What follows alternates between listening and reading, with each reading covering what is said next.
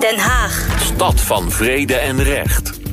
We nemen je even mee naar de actualiteit, want naar aanleiding van informatie voortkomende uit de encryptieberichten startte het zogenoemde FINEC-team van de politie-eenheid Den Haag een onderzoek.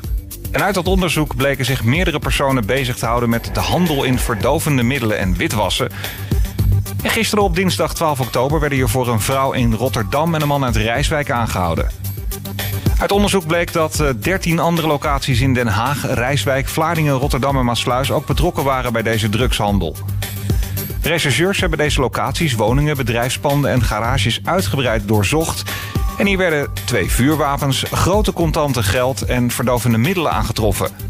Tevens werd er beslag gelegd op onroerend goed en werden er auto's met verborgen ruimte aangetroffen. Deze auto's en motoren zijn overigens ook in beslag genomen. De twee verdachten zitten op dit moment vast en zullen worden gehoord, meldt de politie. En beide verdachten worden op vrijdag 15 oktober voorgeleid bij de rechtercommissaris. Het onderzoek is overigens nog in volle gang en meerdere aanhoudingen worden niet uitgesloten. Nou, dat FINEC-team, wat is dat nou precies? Nou, dossier Mastenbroek legt dat even uit.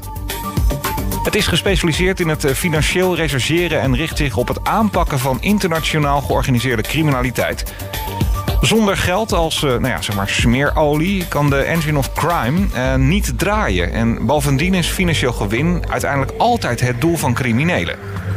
Nou, die financieel rechercheurs um, die beoefenen een beproefde methodiek voor het blootleggen van netwerken, het identificeren van daders, het vaststellen van feiten en omstandigheden en het verzamelen van bewijzen in strafrechtelijke onderzoeken. En dat heeft dus geresulteerd in uh, ja, het feit dat uh, onlangs uh, twee personen zijn aangehouden voor drugshandel en witwassen. 100%,